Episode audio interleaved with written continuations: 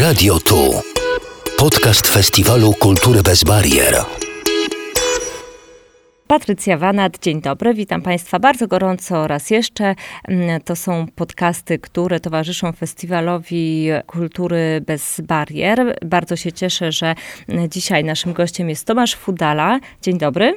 Dzień dobry historyk sztuki, kurator w Muzeum Sztuki Nowoczesnej w Warszawie, również organizator festiwalu Warszawa w budowie, który jest poświęcony architekturze i politykom miejskim. Ten festiwal za chwilę się zaczyna, więc też oczywiście wszystkich bardzo gorąco zapraszamy. A ja chciałam porozmawiać dzisiaj o różnych tematach związanych z hasłem tegorocznego Festiwalu Kultury bez barier. Ten, to, to hasło brzmi język miasta. No i będziemy się przyglądać miastom albo albo miastu, doświadczania miasta przez, e, przez osoby z różnymi niepełnosprawnościami. Zastanowimy się, jaki ten język e, miasta w, w zasadzie jest. I chciałabym Cię tylko na początek poprosić o jedną rzecz, ponieważ te, te nasze rozmowy zaczynam od takiego opisu e, miejsca, w którym, w którym się w tym momencie znajdujemy, tak żebyśmy mogli sobie nieco wyobrazić te, te przestrzenie, z których rozmawiamy. Moje miejsce się nie zmieniło, to podobnie jak jak w poprzednich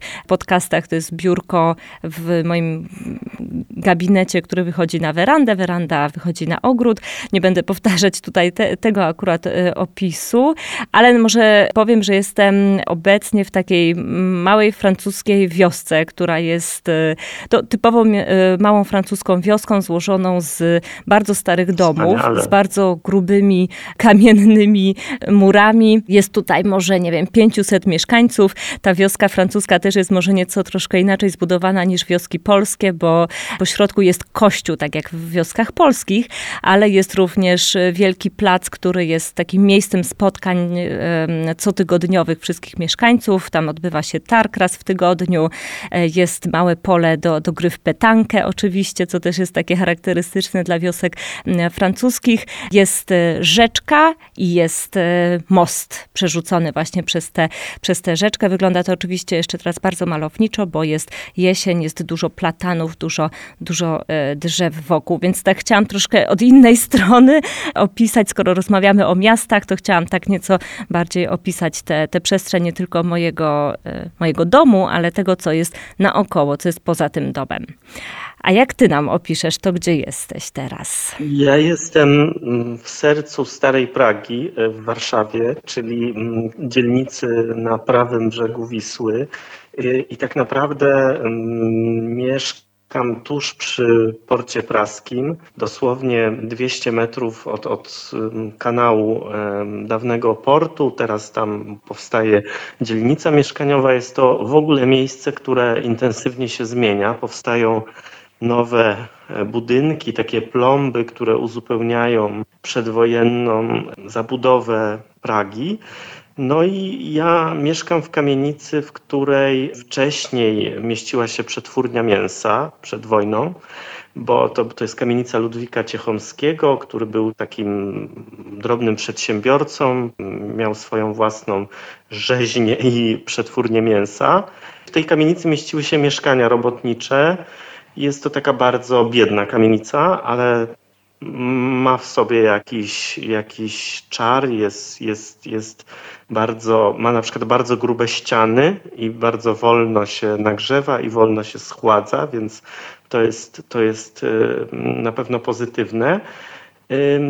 Z drugiej strony samo miejsce, czyli ulica Targowa na Pradze, to jest miejsce w tej chwili bardzo ruchliwe i nawet użyłbym takiego słowa niebezpieczne.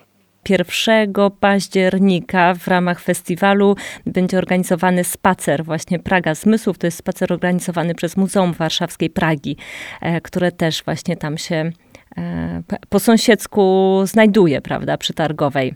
A ja chciałam e, zacząć naszą rozmowę już po tym krótkim wstępie. Chciałam zacząć od tej nagrody, którą Warszawa otrzymała w zeszłym roku. Dostała główną nagrodę e, w konkursie Access City. To jest taka nagroda przyznawana przez Komisję Europejską, która właśnie to Komisja Europejska doceniła te działania stolicy angażujące osoby niepełnosprawne w to, aby uczynić miasto bardziej dostosowane do ich potrzeb. Potrzeb. Czy Twoim zdaniem to jest nagroda na wyrost, czy faktycznie Warszawę jest za co chwalić, zwłaszcza w porównaniu do innych polskich czy też europejskich miast?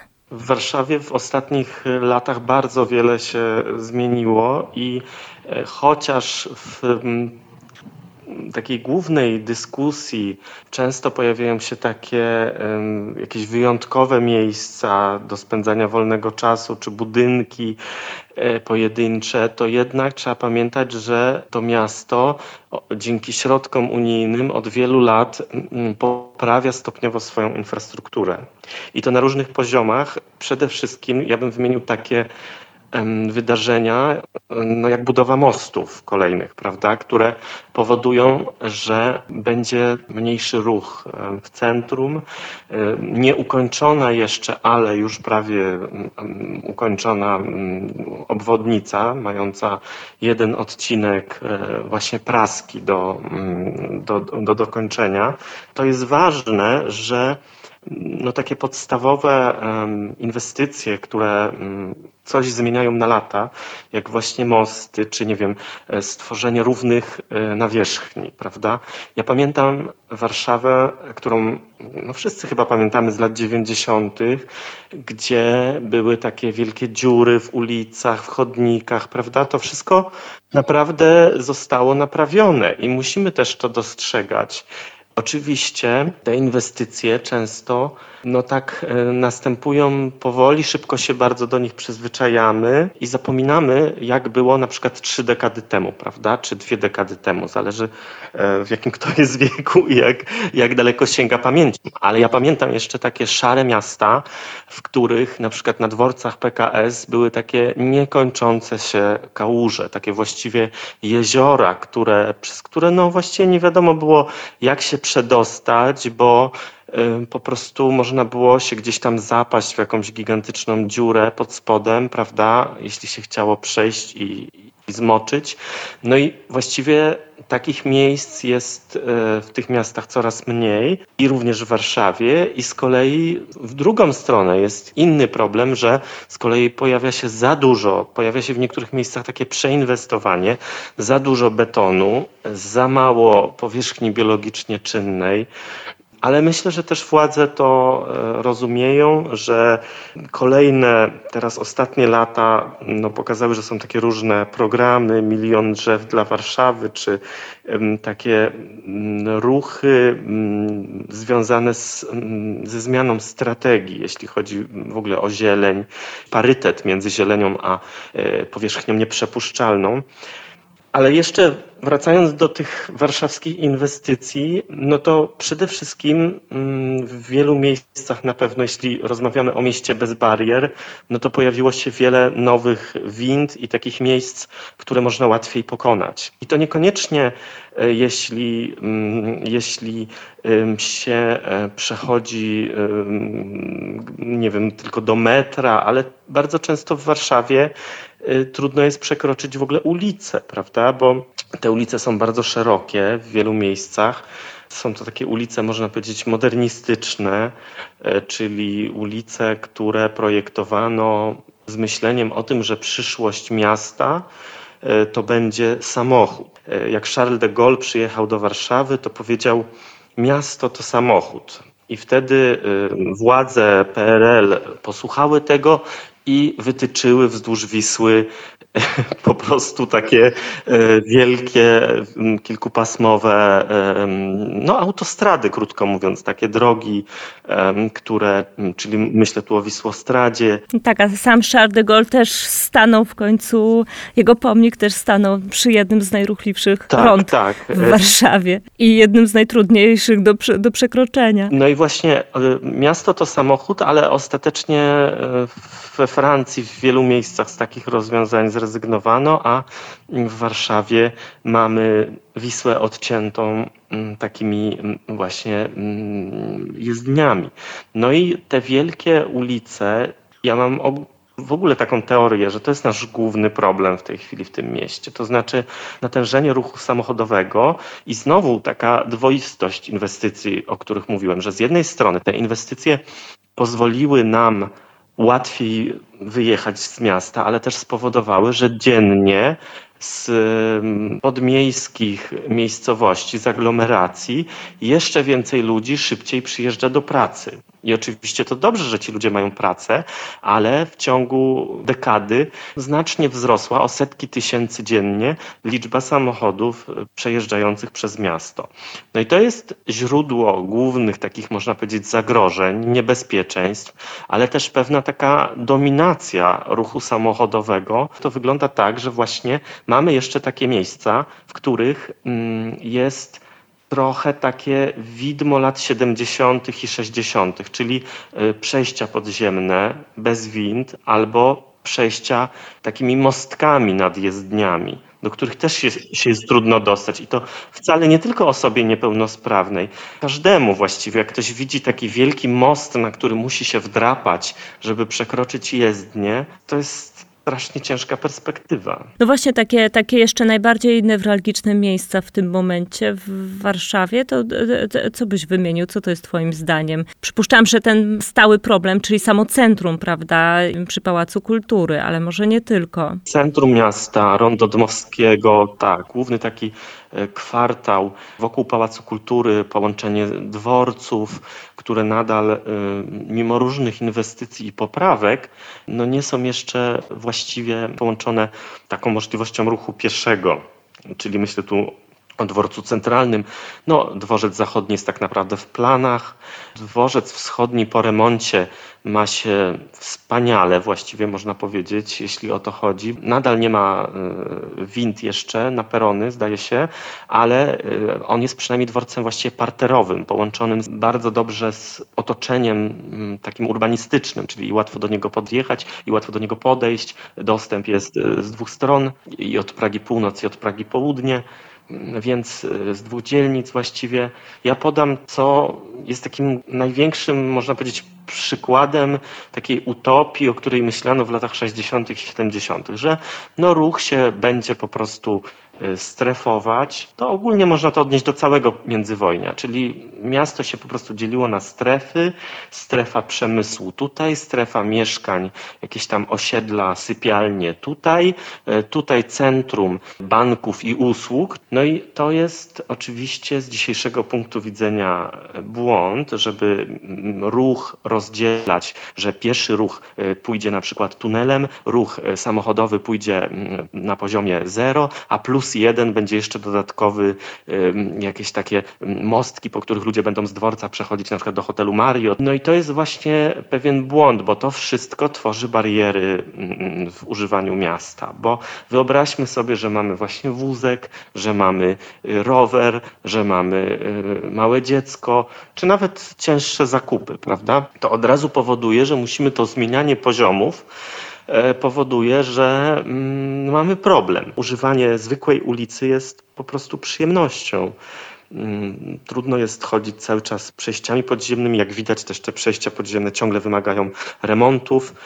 Teraz mamy zresztą kryzys, zaczyna się właściwie na naszych oczach kryzys klimatyczny i widzimy, że na przykład przejścia podziemne są nagle zalewane wodą, prawda? Że dzieją się takie różne nieprzewidziane sytuacje, które powodują i znowu nas umacniają w tym, że to takie tradycyjne rozwiązanie, jak taka zwyczajna ulica z pasami zieleni, y, z retencją, czyli z możliwością właśnie odpływu wody, czyli wsiąkania jej w ziemię, y, z, mm, z chodnikiem, ze ścieżką rowerową, że to jest właściwe rozwiązanie. No ale to widać, jak to, jak to myślenie o mieście i o tym, co to w ogóle znaczy to miasto przyjazne, prawda? Co, co to znaczy, jak to wszystko się zmieniało z biegiem lat. I twoim zdaniem, kiedy mm, architekci, urbaniści zaczęli faktycznie myśleć o tym, żeby te miasta, czy żeby budynki, e, nowe inwestycje, żeby pozbawiać tych barier, że, że w ogóle zauważyli, że te bariery e, są i trzeba z nimi coś, coś zrobić. Właściwie e, architekci bardzo często mm,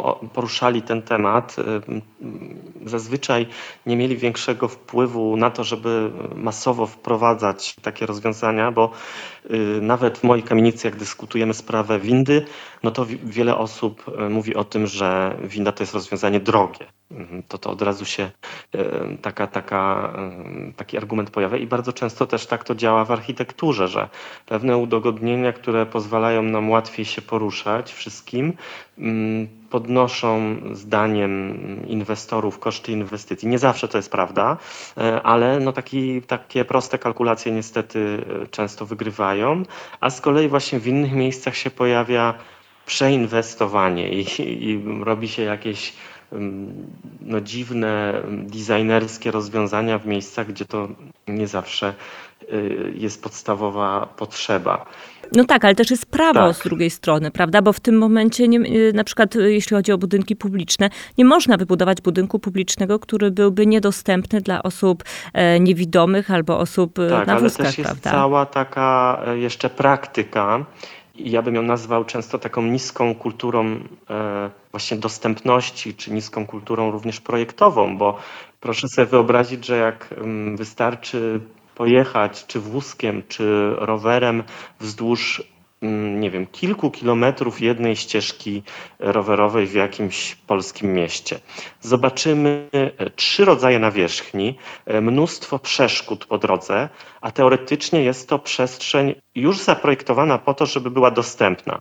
I ona jest tak zazwyczaj e, pokomplikowana. Od kilku lat ja jeszcze chcę oczywiście zaznaczyć, że to się poprawia, ale po prostu w Warszawie i myślę, że we wszystkich miastach mamy mnóstwo takich właściwie antyścieżek rowerowych i takich miejsc, które są właściwie torami przeszkód, a nie e, miejscami zaprojektowanymi tak, żeby właśnie ergonomicznie i bezpiecznie ich używać, bo na tych studzienkach, które wystają z tych chodników, no można się po prostu co jakiś czas przewrócić. I to, to jest tak właściwie najeżone przeszkodami i chodniki, i właśnie krawężniki są wysokie bardzo często. No i właśnie tak to jest z, z, tymi, z tą kulturą projektowania, że myślę, że w Polsce jeszcze brakuje takiego opatrzenia się i zapoznania z takimi rzeczywiście bezkolizyjnymi rozwiązaniami, bo bardzo często coś jest na rysunku, na jakimś projekcie, właśnie ścieżką rowerową, podjazdem, a potem podchodzimy do poczty i widzimy, że mm, podjazd dla wózka jest zaprojektowany jak jakiś ślimak, że właściwie ktoś, kto e, chciałby wjechać tam na wózku, no musi wykonać właściwie jazdę figurową na lodzie, bo to po prostu jest e, no, antywygodne, to jest po prostu skrajnie niewygodne, to, to co rzekomo służy mm, poprawieniu jakości tej przestrzeni. Tak, albo podjazd, który nagle kończy się schodkiem na przykład, też widziałam coś takiego. Tak, tak, albo jakimś wysokim progiem, więc, ale myślę, że to po prostu na tym polega, że ci wykonawcy nie widzieli tego, oni po prostu tego nie widzieli. Myślę, że mógłby być taki, mm, gdzieś taki w Polsce właśnie taki, e, nie wiem, czy to park, czy taki e, teren wystawowy, gdzie no, te rozwiązania dla niepełnosprawnych, rozwiązania mm, takie miejskie byłyby mm, przetestowane i coś w rodzaju takiej plenerowej wystawy, prawda? No bo w tej chwili to tak naprawdę co wykonawca to właściwie inny pomysł często. Bo tak sobie myślałam nawet, czy miasto idealne, coś takiego jak miasto idealne, wiesz, istnieje, gdzie jest ten cel, do którego dążymy i pewnie coś takiego jak miasto idealne, no nie istnieje, bo tych, bo tych, tych interesów sprzecznych jest bardzo dużo, prawda? Co innego miasto idealne znaczy dla ciebie czy dla mnie, co innego znaczy dla osoby, która porusza się samochodem e, codziennie, co innego znaczy dla osoby, e, która nie widzi, co innego znaczy dla osoby, która porusza się na wózku codziennie że gdzieś, że przede wszystkim chyba po prostu musimy myśleć o drugim człowieku i wypracować jakiś taki kompromis z myślą, że miejsce znajdzie się e, dla nas wszystkich. Tak, mówi się o takim rozwiązaniu, że takie podstawowe, ważne do życia um, usługi i możliwość załatwienia różnych potrzeb powinna się znajdować w takim kwadransie wokół naszego, e, naszego domu, miejsca, gdzie mieszkamy, czyli załóżmy, nie wiem, poczta, sklep, park, właśnie zieleń, czyli możliwość i odpoczynku, i jakiejś przechadzki, i załatwienia różnych spraw. To są takie proste zasady urbanistyczne, które, które są, są jakoś tam ważne. No ale też e, pamiętajmy, że bardzo często również seniorów, nie zabijają choroby, tylko samotność. To też jest taka inna perspektywa, że bardzo często w tych miastach brakuje też miejsca, w którym można usiąść i porozmawiać z jakimiś ludźmi, prawda? Czyli, że nie ma takich miejsc, kluby sąsiedzkie, czy miejsca, gdzie można mm, robić coś razem z innymi ludźmi i które nie są komercyjne, czyli mm, chodzi mi o to, że nie trzeba płacić za to wszystko, prawda? Więc y, myślę, że tutaj jest jeszcze dużo do zrobienia w takiej no, organizacji, mówiąc tak szumnie, życia społecznego, po prostu takiego życia sąsiedzkiego. Na przykład w różnych miastach, również mniejszych, w tej chwili nastąpił renesans klubów Złotego Wieku. I to jest niesamowite, takich uniwersytetów trzeciego wieku dla seniorów, również takich różnych aktywności też dla osób e, z różnymi niepełnosprawnościami. To jest mm, naprawdę duży w tej chwili ruch. To znaczy, mm, no w Warszawie na przykład e, świetnie funkcjonują takie spotkania dla seniorów przy placu Halera. To jest takie miejsce, które w tej chwili stało się trochę taką zieloną oazą. To jest duży plac, postawiono na nim tężnie, jest fontanna, w pobliżu jest e, warszawskie zoo. Stało się to bardzo, bardzo miłym e, miejscem.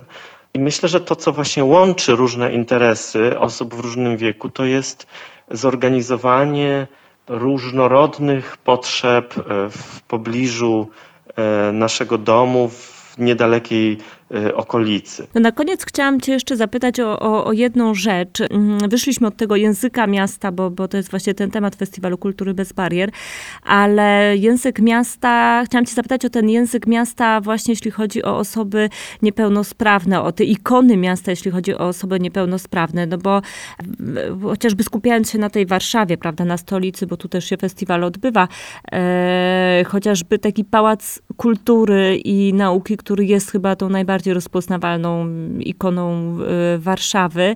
Dla osoby e, niewidomej, no w zasadzie znaczy nic, niewiele, poza tym, że jest trudny do, plac jest trudny do przekroczenia, że, że, że jest to um, centrum miasta. Ale czy są twoim zdaniem, czy w ogóle można tworzyć takie ikony w mieście, które są odczytywane właśnie przez osoby z niepełnosprawnościami? Warszawa e, dla mnie jest w ogóle takim miastem językowym, bo ja nie jestem z Warszawy, ale mm, gdy mm, byłem mały, to zawsze u mojego taty na półce stały książki Wiecha, Grzesiuka i było w nich mnóstwo warszawskich nazw, takich jak Karcelak, jak właśnie e, Praga, jak Targówek, jak Warszawa ma mnóstwo takich, e, ja mieszkam w okolicy Kamionka, Szmulowizny, Bazaru Różyckiego, nazywanego Różycem.